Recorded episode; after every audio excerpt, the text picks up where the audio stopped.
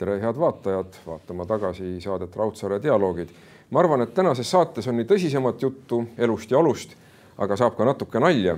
mul on väga hea meel, et äh, meil on külas kirja- ja kalamees Vladislav Koržets, tere. tere. Rõõm, rõõm näha, et praegu me elame sellisel natuke depressiivsel ajal, kuigi kevad tuleb ja läheb ju rõõmsamaks, aga noh, ütleme elu ju tänavail seisab käisin Tallinna vanalinnas jalutamas paar päeva tagasi ja linn oli täiesti tühi, kui mitte arvestada ühte Bolti kullerit, kes viis võib-olla kalatoite kellelegi, aga kalatoitudest kindlasti me täna ka räägime ja räägime ka naljast ja sellest, kuidas sellisest raskest äh, olukorrast äh, välja tulla ja nii edasi. aga ma alustaksin võib-olla sellega, et äh, kalatoitude kas ka kalastamise juurde, ma ei oska öelda, sellest me saame kohe rääkida, aga kalatoitude juurde te sattusite minu andmeil suhteliselt juhuslikult, kui neliteist aastat tagasi Anu Välba kutsus teid Terevisiooni, ütles, et kokake, tehke kalatoite.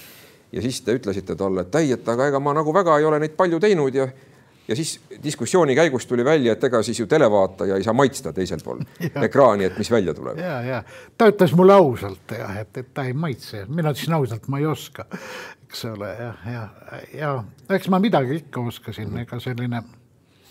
No kes siis uhhaad ei oskaks teha, eks no, ole? no ja uhhaad saab ka teha väga erinevat Tõsi. moodi. siin on äh, palju asju ja ma, no sõbrad mm, olid mu äh, Äh, toidu valmistamisoskust kiitnud, ma olin isegi ühe suve olnud kokaks kunagi õpilasmalevas ja, ja, ja mulle meeldis süüa teha.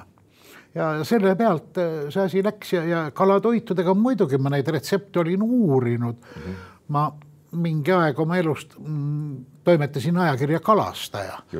ja sinna oli ka vaja kalaretsepte panna, ega ma siis nii umbes ka ei tahtnud kusagilt võtta ja sisse surata, ikka ma tahtsin, et see, kes seda järgib, et see ei peaks pettuma väga, eks ole. eks ma siis neid proovisin ja mul huvi oli, mul huvi oli. Ja kui ma siis hakkasin eh, seal hommikutelevisioonis neid kalaroogasid tegema, siis, siis ma muidugi hakkasin õppima ma hakkasin õppima, õppima, õppima ja kogu kalaroogade maailm nagu avanes. ja see tõmbas mu enesesse, et, et kuidagi, et, et ähm, noh, siis sai hakatud tegema eh, nii-öelda telenäona mingeid üritusi kusagil kalaroogadega koos inimestega kokkama ja kuni asi siis eh, kalarestoranini jõudis no üks mu Taani sõber on öelnud, et taanlased kui ka mererahvas peaksid sööma rohkem kala aga olles Taanis käinud, minu meelest söövad nad meiega võrreldes võrreldamatult rohkem kala, minu meelest peaksid ka eestlased rohkem kala sööma. eestlased on suhteliselt tagasihoidlikud kalasööjad, seda küll jah. Ma ei mäleta peast, kas see oli seitseteist kilo või mis meil siin aastas inimese kohta tuli. ja sellega me oleme selline noh, isegi vaata, et alla Euroopa keskmise ometi meil ju kala on ja head ja maitsvat kala. Äh, sellega on nii ja naa, ega meie valik liikide poolest ei ole ju liiga suur. Neid kalu, keda me nagu toiduks saame oma vetest kasutada, on noh, paremal juhul paarkümmend kes on liiga luine, kes on äh, maitsetu, kes on liiga pisike, eks ole. ja, ja no me ei ole harjunud näiteks kiiska sööma. natuke, natuke vähe, natuke palju luid. ja, ja just nimelt, eks ole, ülimaitsev kala ja nii edasi, nii edasi, et võrreldes selle kalarikkusega, mis on äh, laiemas mõõdus mereriikidel äh,, on meie olukord liiga kiita ei ole, sest see, mis meil on, see pole ju meri see on ju no,. siseveekogu. no sisuliselt jah. Läänemerest rääkides. ja Läänemerest rääkides, ta on viis korda magedam, kui on maailmameri. ja liigi arv, liikide arvukuselt, kalade arvukuselt ka ei ole kiita just, et kui me võtame kasvõi Põhjamere või läheme kuhugi sinna, sinnakanti. no vot just enne saadet me rääkisime natuke, kõnelesite sellest suurepärasest Tuurast jah, mille Costa Ricas. ei, Tuunist. Tuunist, vabandust, Tuunist, tuunist. tuur on ka suurepärane oh. kala. aga see on Kamtšatka kandis, eks ole? ei no ei no tuur on, tuure kasvatatakse Eestis, Siberi tuure on Vene tuur ja Siberi tuur, kes meil enamasti siin on, et tuur oli Narva linna vapikala ju lausa omal ajal ja Rootsi kuningale maksis Narva linn oma maksud tuura, tuurakaladest, et tuur Maria on ju see äh, hästi kuulus kala, väidetavalt vaata, et kõige suurem Eestis tabatud äh, olend, pikkus kaks üheksakümmend, kaalu ei mäleta aga kui suur see kala oli, mille te seal Costa Ricas püüdsite, sest iga kalaga on ju see lugu, et kõigepealt tuleb ta kinni püüda, millest ju räägib Hemingway oma suurepärases raamatus. väga suur tuun, see võis olla selline kolmekümne kilone võib-olla või no, siiski. mulle ja. tuleb meelde see Hemingway Vanamees ja meri. ja, ja, ja, ja. ega see... iga kala kohe kätte ei saagi. ja sel-, sellist mul ei olnud ja nagu äh, sellist, et pardale ei saaks teist tõmmata.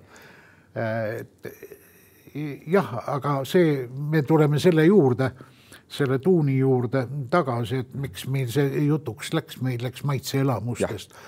ja ma olin ju Eestis ka tuuni söönud moel või teisel. Ja enamasti on ta ju konservides ja tehakse salatit ja no mitte midagi ütlev minu jaoks, eks ole. ja, ja seal siis sellest oma püütud tuunist. Costa Ricas. Costa Rical jah, väga hea koka poolt heas restoranis valmistatuna oli see midagi sellist, mis jääb elu lõpuni meelde. meil olid kõhud juba täis, kui valmis ja, see steik, mis oli meedium tehtud, keskelt natuke pooltoores punakas ja küll ta oli maitsev, no küll võib üks kala olla maitsev, eks ole. siis ma sain aru, miks, eks ole, Jaapanis makstakse tuunide eest mingit pöörast raha, kus noh, tehakse tuuni sashimit ja sushit ja, ja ja, ja miks ta nii kõrges hinnas üldse on? küll on hea, et ma olen söönud enne meie praegust saadet. Muidu hakkaks kohe-kohe neel käima kala järele, aga kas ei ole nii, et ikka kõige paremini maitseb ise püütud kala? oled kusagil jõe ääres, vaatad, kuidas lind ja, lendab, püüad kala ja siis küpsetad lõkkesütel. no keedad või küpsetad või eks ole, kiidetakse ju kaluriuhaad, mis ja. peab olema tehtud sellest veest seal ja kõike kunste jälgides kus ei tohi olla kartulit ja muud ja kuhu tuleb valada sortsviine ja kustutada söetukk ja viimasena lisada elu, elus kiisk ja kõik need trikid.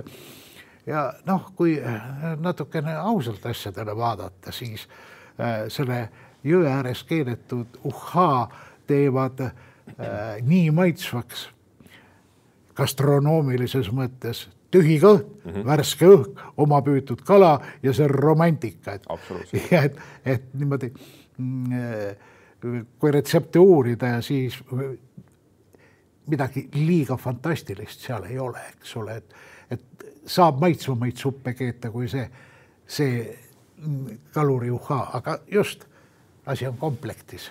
No ma lugesin kahe tuhande seitsmenda aasta Priit Pulleritsu intervjuud teiega, kus oli juttu kalapüügist ja Priit Pullerits, kellest ma muidugi väga lugu pean, aga sellest intervjuust tuli välja, et ta kõige suurem kalamees just ei ole, et tema jaoks see oli üks nüri ja igav tegevus. ja siis tuli seal väikest arutelu, mille peale te ütlesite, et kalapüük on teadus ja kunst ja natuke hiljem oli tsitaat, kalapüük on alandlikkuse õppimise kool. mida see tähendab mm.? see tähendab seda, et äh, ei ole nii, et lähen ja võtan see tähendabki seda see tähendab sellega arvestamist, et äh, on jõudusid, on mõjusid, äh, mis on meist suuremad, et on loodus ja mina olen selle osa. siin tavaelus linnas äh, vongeldades me, me nagu ei taju seda enam tihti enam mm., et buss tuleb enam-vähem õigel kellaajal, viib kuhu vaja mm., asjad toimuvad nii või naamoodi, eks ole. aga osadust maailmaga, loodusega me ei pruugi tajuda. me võime siin linnas ringi käia ja ekselda urbaniseerununa ja tunda ennast inimmassi sees äärmiselt üksikuna, sest meil puudub osadus meist suuremaga. looduses olemine, mm, sealhulgas kalapüük, minu jaoks kalapüük, annab mulle selle osadustunde ja sellega noh, nii et noh, et, et äh, kalaga on nii, et vahel siis antakse ja vahel ei anta ja kui oled viis korda kalal käinud ja saanud kõvad saakid, siis tahes-tahtmata hakkad mõtlema ennast, küll ma olen kõva kalamees. ja kui siis kuuendal korral jääd nulli, ei saa mitte midagi, eks ole, siis on asi jälle paika pandud. et noh, et asi ei ole ainult minus kinni. Aga kui kala pole, siis midagi on ju ikka, see elamus jõe ääres ja, käimisest, hommikune ja, päikesetõus. ja siin toimub ka kalameestel tihti areng. alguses tahetakse saada kala ja palju. järgmises etapis tahetakse mingit konkreetset kalaliiki, trofeesid, mõnda eriti suurt isendit. no ja lõpuks jõuab sellele, et saaks aga kalale ja ja, ja, ja, ja viimane etapp on, kus kala pole üldse enam tähtis nagu aga, aga see looduses olemine, seal viibimine, see ise muutub kõige noh, just nimelt selle osadus, tunde tajumine ja, olemine seal, sest noh, huvikalastajal asi on ju teada, et eh, kulud on raudselt suuremad kui tulud, kui, kui rahalises mõõtmes võtta, aga, aga tulu tuleb mujalt. tulu tuleb muust ja tulu, see tulu ei ole rahas mõõdetav. ja kalapüük on ju ka üks jahitüüpe tegelikult. ühes ja, intervjuus ja. te rääkisite ka jahist kui sellisest, et äh, see on ürgne, see on meile omane. on, meil on instinktid, see on meie tung. saagi püüdmise ja tabamise tung on meis sees, nii nagu loomadel, nii nagu sellel äh, kassil kellest kärbes mööda lendab ja kes ei saa jätta kap-, käpaga virutamata, eks ole. Midagi. Või noh, ta on olemas. see on seesama seenel, läheb inimene seenile. Oh,. milline puravik, silm lööb särama, rõõm tuleb, eks sama värk, eks ole, kusagilt, see on see saagi saamise, leidmise, püüdmise värk, see on ürgne ja seda ei tasu enesest salata seda ei saa tasu enesest maha suruda, sest muidu ta sublimeerub meie tavaellu ja ta niikuinii sublimeerub. Kõik, eks ole, ärilised konkurentsid, sport. poks ja ei, no mitte ainult poks, üks seesama, et kõrgusehüpe on ka samamoodi, et mina hüppan kõrgemale, mina pean kõige kõrgemale, ma pean saavutama, ma pean kätte saama. lihtsalt saak on natukene teisekujuline, eks ole, mida aetakse, see Äh, muutub tulemusvajaduseks ja, ja, ja, ja muudeks sellisteks äh, tänapäevasteks terminiteks, et äh, ta on meie elu läbi, läbi, läbiv kalapüügis või seenti, seenil käigus või jahil avaldub ta kõige otsesemal, ürgsemal kujul ja on seetõttu kõige emotsioonirikkam. mida me püüame? me püüame emotsiooni me püüame osadust, eks ole, aga emotsiooni ka, et see, mm, see adrenaliin, mis minusse tuleb, kui mul on kala äh, seal konksu, konksu otsas ja ma ei tea veel, kas ma saan ta kätte või ei saa, see tunne ja kui ta on suur ja ma tunnen ridvaldal raskust ja ja, ja ma võib-olla täpselt ei tea isegi, mis liiki kala see seal on. no, no on ikka, no on ikka elamus küll, eks ole. ma teatrist ei saa niisugust kontserdilt ka tõenäoliselt mitte. kalal olles saan. nüüd kalastamise teemade ja kalastamise, kalaroogade tõttu, mis siis ju te teles tegite, ühel hetkel hakati ju pidama teid niisuguseks Eesti kalameheks number üks mis on natuke tüütu, ma kujutan ette, sest tegelikult ju kalamehi on meil tublisid teisigi. esiteks on see ebaõige, sest tõepoolest on minust palju andekamaid ja tulemusrikkamaid kalamehi Eestis küll ja küll. küll ja veel, eks ole, mina olen üsna keskpäraste annetega, igal asjal on oma andekus. kas selleks on vaja annet, et kala püüda? aga muidugi, tähendab. see on ju äkki, äkki õpitav ikkagi natuke? osalt on õpitav. aga mis ei ole õpitav selle asja juures? noh, noh, kuidas ma nüüd ütlen, sisetunne, viies meel seesama osadus loodusega, see alateadlik taju. meie alateadvuses on väga kummalisi tarkusi, mida me ise ei eh, mõista, ei jaga, mis avalduvad intuitsioonina.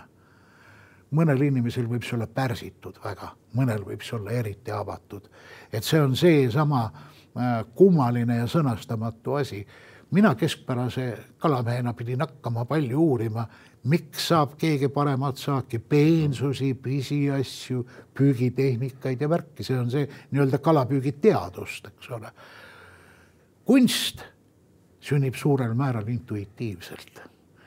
et see on see eh, alateadlikult, kui me valime näiteks jõe või järve ääres püügipaika, siis millegipärast me otsime mingi muutusega koha spetsiifilise, me tihti ei teadvusta, miks me läheme selle koha peale püüdma ja miks me just sealt loodame kala äh, saada. ja mõned inimesed teevad seda intuitiivselt pidevalt paremini. nii, aga see number üks kalameheks pidamine oli ju natuke tüütu. muidugi, esiteks on vale mm, -hmm. eks ole ja teiseks ongi see tüütu, et see ikoonistumine kusagilt, no olla mingi märgina. Need on asjad, millest inimene tahab lahti saada. no sama häda oli ju selle huumorivärgiga, et eh, üheksakümnendate alguses, nagu te olete ise ühes intervjuus öelnud, et oli tüüpiline olukord. inimene tuleb toidupoes juurde, võtab nööbist kinni, ütleb, et kuule, Vladislav, räägi üks anekdoot. ja, ja, ja, ja, ja, ja ülitüütu. nii ja seda juhtus Üli... ikka sageli? seda juhtus ikka sageli. no muidugi ma mäletan, et äh, võib-olla noorem põlvkond ei tea seda, aga ütleme, minu põlvkond mäletab küll teid kui nagu tipphumoristi nii teles kui olid ju esinemised igal pool kultuurimajades ja, koos ja. Priit Aimlaga, kellega ja, te moodustasite väga, väga head andmed. väga palju koos Priit Aimlaga sai käidud ja, ja noh ja Aimla on ise öelnud selle kohta, et noh, stiilid olid natuke erinevad, et Aimla oli selline niisugune vaoshoitud, te olite natuke agressiivsem. ei oska öelda, oleneb, mis valdkonnas, eks ole. tähendab esinemisstiililt, et Priidule meeldis jah niimoodi väga tõsise näoga kuidagi no,, peaaegu just. liikumatu näoga, väike kulmukergitus ainult oma, oma nalju. aga on väga hea humorist vist öeldakse, ei tohigi enda nalja üle kohe naerma hakata või võib natuke? noh, sellega on nii ja naa, aga ma vaatan tänapäeval teles mõningaid esinejaid, kes ise oma nalja, kõik naljad ära naeravad, eks ole, siis, siis noh, kuidas võtta, eks ole, tead jah. ega naer on nakatav oh. Eks ole, ja, ja, ja kui keegi oma nalja ka väga nakatavalt naerab, siis noh, hakkad naerma siis kas tema nalja või seda, kuidas ta naerab, eks ole et eh, aga nalja sai ju tehtud, et legendaarseks on muutunud eh, teie ütlus, tsiteerin, kui riigis on midagi lahti, tuleb hakata kinni panema võib-olla tänapäeval ei mõisteta enam ja. seda, aga tollel ajal see oli ikka niisugune päris piiri peal nali. et ja. ei olnud seda kartust, et tullakse nüüd teid kinni panema. noh, äh, päris seda kartust ei olnud. oli juba vabanemise aeg. oli juba, juba teistmoodi aeg jah, aga äh, tõepoolest, ega seda äh, ütlust näiteks nõukogude ajal kirjasõnas avaldada ei saanud või mõnda muud mis jälle on oma aja kontekstis, siis oli näiteks, kui inimene on surematu, siis lööda või maha, aga tema ei sure. See, see ei tööta praeguse aja kontekstis sedavõrd, kui siis me rääkisime, Lenin on elavaim, elavaist ja nii edasi. et selles kontekstis ta töötas hoopis teistmoodi, eks ole. no taust oli teine see üleüldine ja, teadmine. eks see nali muutubki ajas, nali muutub ka ilmselt vanusega, nali on erinev kultuuriti. on väga erinev on, väga ja no,. aga kui me võrdleme näiteks, aga kui me võrdleme näiteks noh, mis me võiksime võrrelda näiteks vene nalja ja eesti nalja. Svanetski, kadunuke nüüd hiljaaegu lahkus meie seast. no ikkagi supernaljad. ja, aga vene nali oli ikka väga kontekstuaalne. tähendab, ta oli ehitatud Vene riigis selle riigi sees olevale kahepalge, kahepalgelisusele, topeltmoraalile ja nii edasi. Sealt ta tihti sündis ja elas edasi veel ka Vene riigis nüüd juba, mitte Nõukogude Liidus tänu sellele, aga tehkem vahet, kui me räägime Žvanetski. Žvanetski ei ole venelane, Žvanetski on juut. et väga omaette eh, sellise värgi moodustab juudi huumor juudi anekdoodid, juudi huumor, üks vägev asi. see on nagu selline kvintessents tihti. aga kas pole ja nii, et... ka meie oleme, vabandust, et ma, ka meie oleme väga ja väga mm, niimoodi juudi huumori kütkes tegelikult. et Eesti huumor on natuke juudi huumori moodi? natukene on, natukene on. muidugi on meil oma Eesti huumorit ka, eks ole, kui me vaatame rahvapärimusi ja, ja seesugust värki, siis seda on ka ja, ja või, või nalju, mis sünnivad väga konkreetselt Eesti kontekstis, Eestis toimunud sündmustest, siin elavatest isikutest. aga selline laiatarbehuumor on suurel määral sellise mm -hmm. äh, juudipärase mm, absurdi leidmise peale üles ehitatud no aga kuivõrd elu on sageli absurdsemgi veel, siis see absurdihuumor aitab ellu no, jääda keerulistes olukordades. muidugi, ega, ega ega huumor ongi ellujäämisvahend mm. -hmm. see on et. Väga vajalik, on huumor selles mõttes inimesele ju, et ta äh, õpiks või suudaks enese peale vaadata nagu distantsilt, eemalt. ja just iseenese ja oma tegude ja oma püüdluste üle muigamine või naermine on see, mis, mis teeb elu elamiskõlbulikuks, et kui me võtaksime ennast ja oma tegemisi surm tõsiselt, siis, siis poleks surmgi kaugel. No te olete öelnud ühes intervjuus nii, et huumor, see on kas kaasasündinud või elust saadud hoiaku küsimus, et kindlasti ühel või teisel inimesel, nagu me kalastamise kontekstis rääkisime, on sellist äh, sisemist oskust huumorit, nalja teha rohkem, aga kui elu on väga karm, siis meil ongi võimalus kas lolliks minna või hakata nalja tegema iseenda ja selle absurdsuse üle. aga muidugi, see ongi ellujäämisvahend kusagilt, kuni me suudame enese üle nalja teha ja näha ennast koomilises võtmes, on kõik veel korras. kui enam ei suuda, siis on väga kehvasti. ja nüüd, et noh, see, see ongi inimeseti erinev. inimesed sünnivadki erinevatena, et, et, et psühhopaat ei pruugi aru saada mittepsühhopaadi naljadest ja vastupidi, eks. seda küll, seda küll. ja, üks, üks huvitav asi, mis mulle kunagi silma jäi mingist uuringust, ega ma ei mäleta enam, kuskohast täpselt, oli see, et äh, lapsi uuriti kusagil, et äh, äh huumorivõime on positiivses korrelatsioonis kaasatundmise võimega, kaastundega äärmiselt põnev ja huvitav, kuidas, kuidas nii ja miks nii, eks ole, need kaks asja on, et inimene, kellel on naljameelt, on ka kaastundlik kuidagi, aga siin jälle me kuidagi laiemalt räägime, siis eh, noh, ega huumor pole ka ühtne ja nii edasi, et eh, selles, mida me naljaks nimetame, on tihti õelust, sappi, tänitamist, irvitamist ja mitte sellist sõbralikku vaadet maailmale, et tegelikult noh, jah, nali nalja pärast, noh, pole väga nali et.... noh, aga ütleme siis ju nii, et nalja puhul on oluline see heatahtlikkus, nagu ise olete öelnud, et te tahate inimesele head. et see on üks asi, mida te olete õppinud elu jooksul. see nii, ei noh, noore mehena tahtsin ma ka lihtsalt jube teravmeelne olla. Ütelda niimoodi, et ah, ah kuidagi ära lõikaks ja, ja, ja ja ma olen pidanud õppima talitsema sellist, sellist soovi enesest, sest see, see pole muud kui enese teisest kõrgemale tõstmine, upitamise, eks ole, soov kuidagi. et äh, see on see, et mina olen parem, noh, noh, noh, ei ole ju no te olite ka viimane ajakirja Pikker peatoimetaja. Pikrit ma mäletan väga hästi ja Pikker oli väga võimas ajakiri, teda oli vahepeal ka raske tellida ja kui ma võrdlen teda teiste niisuguste üleliiduliste näiteks huumoriajakirjadega, nagu oli Krokodill, siis Krokodilli puhul oli see lugu, et seal oli ette nähtud ideoloogilisi karikatuure hästi palju, seal oli tüüpiline pilt onu Sämm dollarikoti või tuumapommi otsas, sigar hambus ja nii edasi ja nii edasi. aga Pikris niisugust asja, no võib-olla mõni kohustuslik asi oli, oli, oli, aga, aga, aga seal oli ka niisugust värki. võtame see viimane veerg, huumorikool ja seal olid ja. siis sellised huvitavad joonistused, ka leiutised, näiteks lipstrussikud.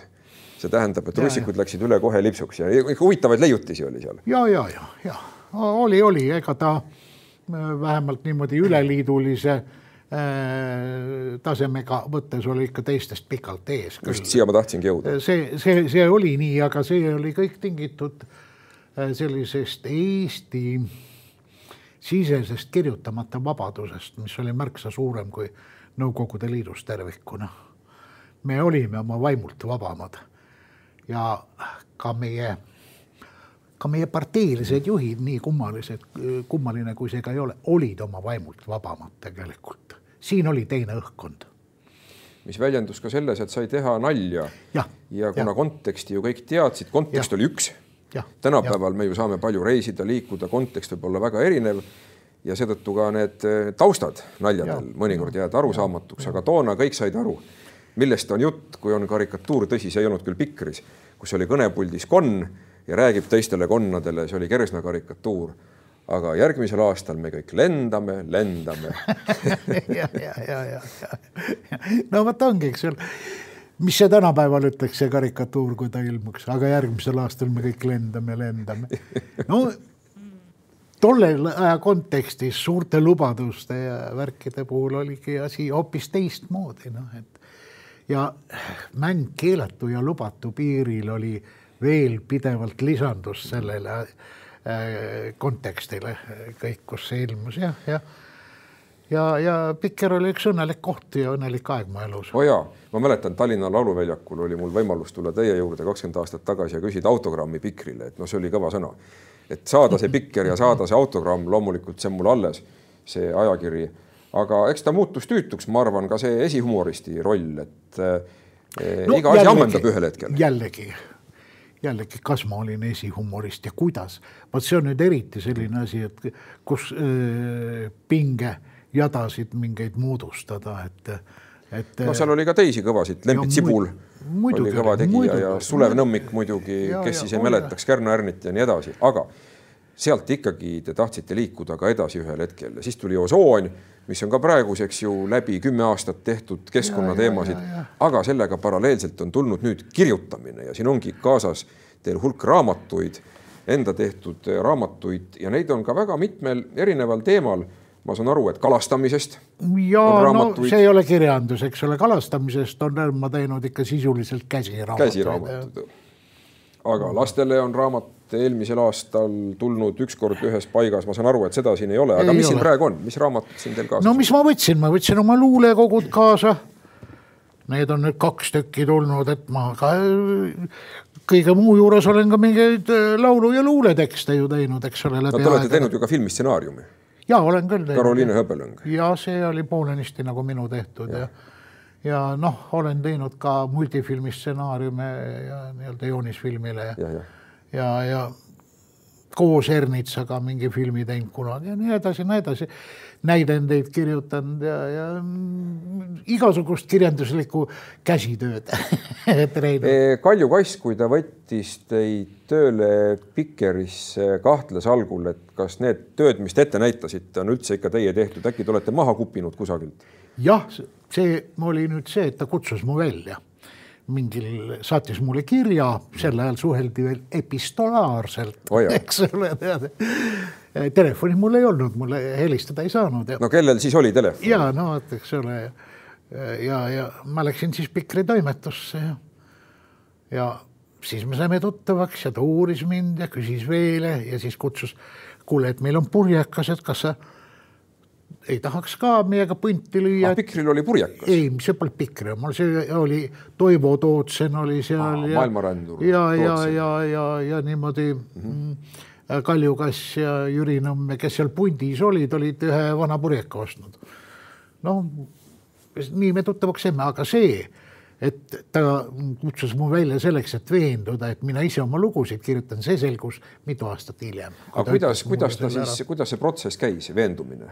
Ei no ta nägi, et ma olen ja... olemas. ei, seda küll, aga ta kuidas nägi, ta nägi, et just need lood teie sulest on? ma ole, olen olemas ja kui ta mul veel minult lugusid küsis, et ma tõin veel ja kirjutasin ja, ja. veel, eks ole, et, et ma ei, ei, ei tõlkinud kusagilt, ei pännanud nii-öelda.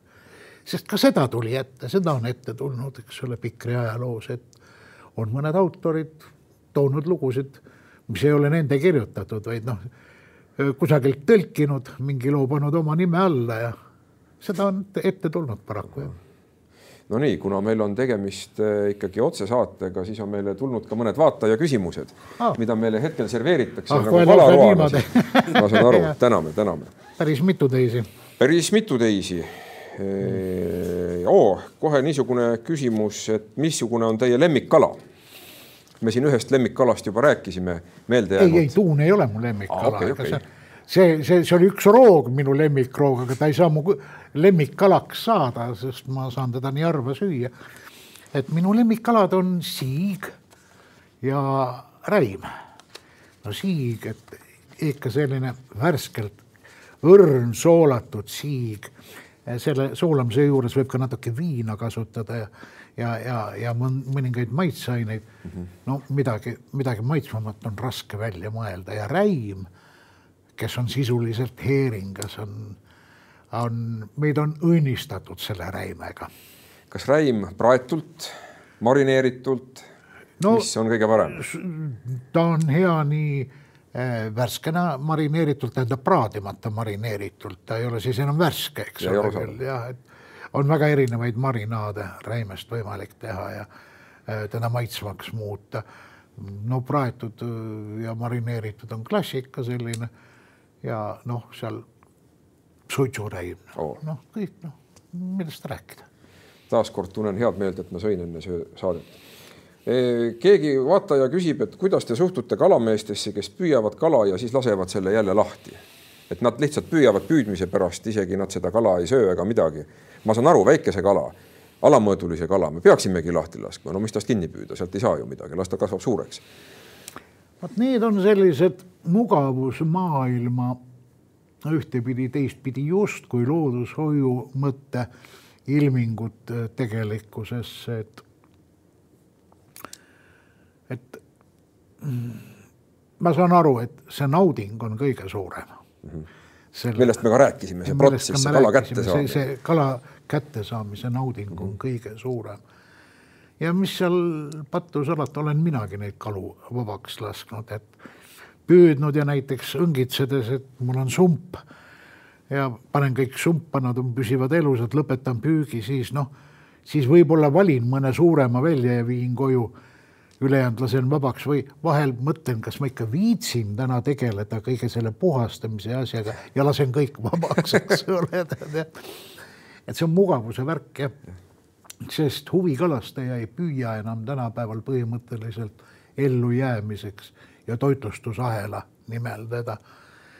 ja äh, noh, mõni huvikalastaja ei oskagi kalaga midagi teha, kusagil Euroopas hakata teda fileerima, puhastama mm. oma moodsas köögikeses, hiljem on lagi ka sul soomuseid täis, eks ole. Need rapped hakkavad kiiresti haisema, nii palju ebamugavust kõik ja ja siis ongi tal hõlpsam see oma püütud kala tagasi lasta ja koju minnes poest osta valmis kalafilee, eks ole, näiteks et äh, kui eetiline see on. no ega me selle eetikaga noh, noh sellega on nii ja naa, ega, ega need jutud, kas kala tunneb valu ja, ja, ja nii edasi, noh. no ma ei tea, kas seen tunneb valu näiteks. seen mm -hmm.. jah, ei ole loom, ei ole taim, eks ole, täiesti seeneriik omaette, kas ta tunneb valu, mina ei tea, eks ole. võib-olla on ülimalt ebaeetiline, eks ole, et, et seeni lõikuda. no nii palju on küsimusi, millel ei ole vastuseid Äh, aga kas selliseid küsimusi, kas selliste küsimustega on mõtet oma peakest vaevata, millele ei olegi vastuseid antud? Võib-olla ka järgmisele küsimusele ei olegi meil võimalik vastata, üks vaataja ei ole just kalastamisega rahul ja ütleb, et kuulge, et aga see on elus asi, mida me surmame või mida teie surmate, kalamehed. noh, mis me oskame selle peale öelda, vanasti püüti ju selleks, et elus püsida. et süüa see on selline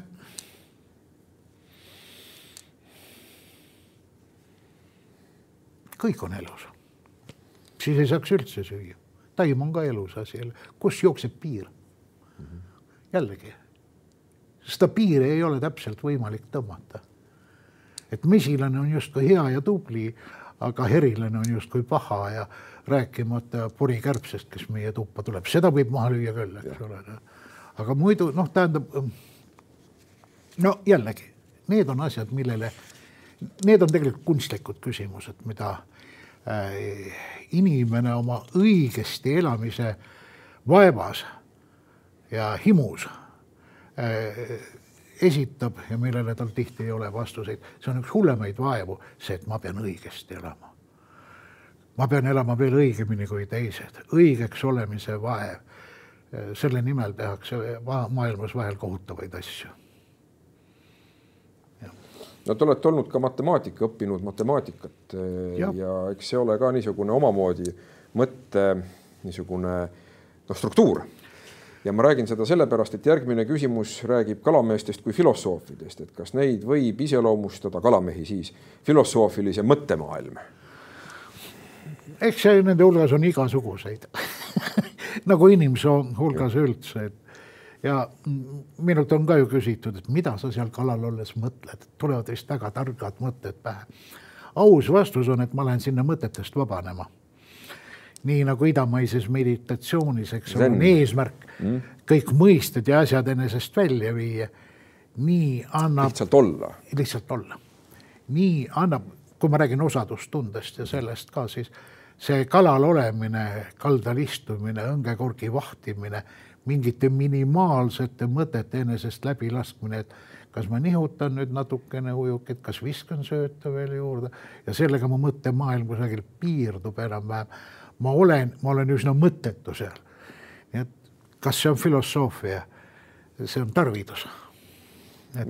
ma usun, et see on ka omaette filosoofia, see on ja, selline rõõmsa elu filosoofia. jah, tähendab, ma tahan see, see on, see on kummaline tunne, see osadustunne, kui ta vahel niimoodi peale tuleb ja see võib olla väga rõõmus tunne. ma tahan kogeda seda rõõmu, ma tahan kogeda seda jõudu, mis on olemises sees kuidagi. siin enne meil oli jutuks ka, et, et, et ma komistasin sügisel äh, lausele ühes teoses, kus oli öeldud, et kurat on kurb. ma hakkasin uurima ja tõepoolest Martin Luther on kirjutanud, et kurbus on kuradist, sest Äh, kurat äh, on see, kes toob surma, aga, aga et Jumal on, toob rõõmu, kuivõrd tema on võitnud surma, no kristluse kontekstis, et, et, ähm, et kuidagi läbi looduse me võime ka loodust jumalikustada enese jaoks, väga paljud seda teevadki, eestlane ütleb tihti, ma olen looduse usku mm. -hmm. nii võib muidugi ütelda, ükskõik kuidas me asju sõnastame aga läbi selle jõu ja läbi selle olemise me saame enesesse rõõmu. nõus, loodusel on meile väga palju õpetada. just nimelt ja hinge, hinge tasandil, et eh, me tihti ei taipa seda, eks ole, ei, ei näegi, aga me, kui me läheme kuhugi koju, siis no reeglina on lilled aknalaual. tihti on lemmikloom seal majas, miks? ilus, võidakse öelda, et nad on ilusad tegelik tagapõhi on miski muu. me alateadlikult, me tahame ka siin linnakorteris või mujal, et see side sellest millestki suuremast, sellest meile mõistetamatust tegelikult oleks meil lähedal. meie osaduse viis, me oleme ka läbi selle äh, toalillekese osaduses või, või selle hamstrikese või et kuidagi need, need on, need on sellised noh, meil, meil on vaja seda midagi. küsib vaataja, kas kalastades võib juhtuda ka nii, et kala püüab kalameest? et ma ei tea, kuidagi hammustab teda või ründab või, või, või mulle tuleb ikkagi see Hemingway raamat Vanamees ja meri meelde, mis oli ju tegelikult duell. jah, kala püüab muidugi kalameest, kõik kalad püüavad kalameest kuidagi ja, ja, ja niimoodi luulevormis on sellest ju palju ja igat moodi kirjutatud ja ma praegu viimasel ajal tegelen sellise asjaga, ma panen kokku sellist peaaegu et antoloogia mõõtu raamatut Eesti kalaluule. Eesti kalaluule. Eesti kalaluule jah, ja, ja, ja, ja seal on küll nii mõneski luuletuses eh, kirja, kirjutatud, et ja, ja et tegelikult püüavad kalad kalamehi nii ta kuidagi on jah see niimoodi hingelis-vaimsel tasandil nii see on. see on väga huvitav. ja, ja. järelikult siis ka see jõgi või see kalakoht püüab kalameest. ja muidugi, muidugi, muidugi, muidugi.. see konkreetne koht. ja, ja, ja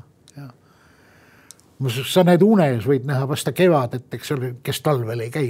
sel ajal, kui ma veel talikalastusega üldse ei tegelenud, ma tihti vasta kevadet hakkasin unes nägema, kuidas ma juba olen kalal, kuidas, kuidas ma olen vee peal või vee ääres ja, ja, ja kummitab, ta tuleb, ta kisub, ta kutsub. noh, kes ei ole kalamees, see näeb võib-olla muid selliseid unesid metsast või, või põllumaa lapist või millest või mägedest. no vot, me rääkisime sellest jahilkäigust eh, Pikri juures olnud seltskonnaga ja ja tollel ajal oli ju merele pääsemine üldse keeruline. Nõukogude aeg hoidis meid ju merest eemal ja võib-olla ka merekalapüügist. hästi, järvedel sai kala püüda, jõgedel no meres sai siin ja seal, oleneb äh, kus kandis, et, et näiteks äh, läänerannikul ikka sai, eks ole, käia, seal ei olnud see asi nii keeruline. seal Haapsalu taga ja, ja mujal juba, aga, aga põhjarannikul küll jah, mhm. põhjarannik oli. Soome väga, on lähemal. ja, ja noh, oli see põhjarannik oli ikka väga luukus. kas see ja nüüd on küsimus vaatajale, et kas see Nõukogude aja suletus on jätnud ka praeguseni meile mingisuguse jälje? Noh, merekala, kalapüügi kontekstis? no kalapüügi kontekstis äh, on keeruline ütelda, et, et äh, teatud määral see suletus näiteks oli kalavarudele suhteliselt etem, kui merd silmas pidada. et äh, kui asi avatumaks läks, siis tõmmati ju rannikumeri tühjaks.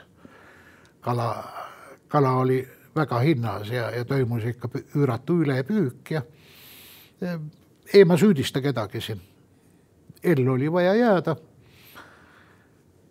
uued ajad, uued kombed, raha oli vaja saada. asi vaibus, rahunes, kala on tagasi enam-vähem. noh, see suletus jah, jah. et muutusid ju kõik püügiviisid ja noh, Peipsi ääres elu muutus täiesti ja ja, ja, ja, ja mujal ka, et mingid jäljed on, aga noh, noh, palju meil sellest siis nüüd mööda on? meil on möödas poolteist põlvkonda umbes. oo oh jah, kolmkümmend aastat. jah, kolmkümmend aastat. isegi juba rohkem. ja ligi, ligi poolteist põlvkonda. noh, eks pool või pool või poolteist läheb veel ära, kuni, kuni see suletuse jäljed ja muud asjad nagu hajuvad või kaovad millega me meie saadet alustasime, on, et praegu on ka niisugune kummaline ja suletud aeg, kus inimesed peavad olema kodudes, eriti mitte teiste inimestega lävima. noh, aga kalale saab ju ikka minna. kas see on midagi, mida me võiksime soovitada? ega siis selleks ei pea olema ju tohutuid hulle eelteadmisi ega võimast varustust, piisab ühest puuridvast.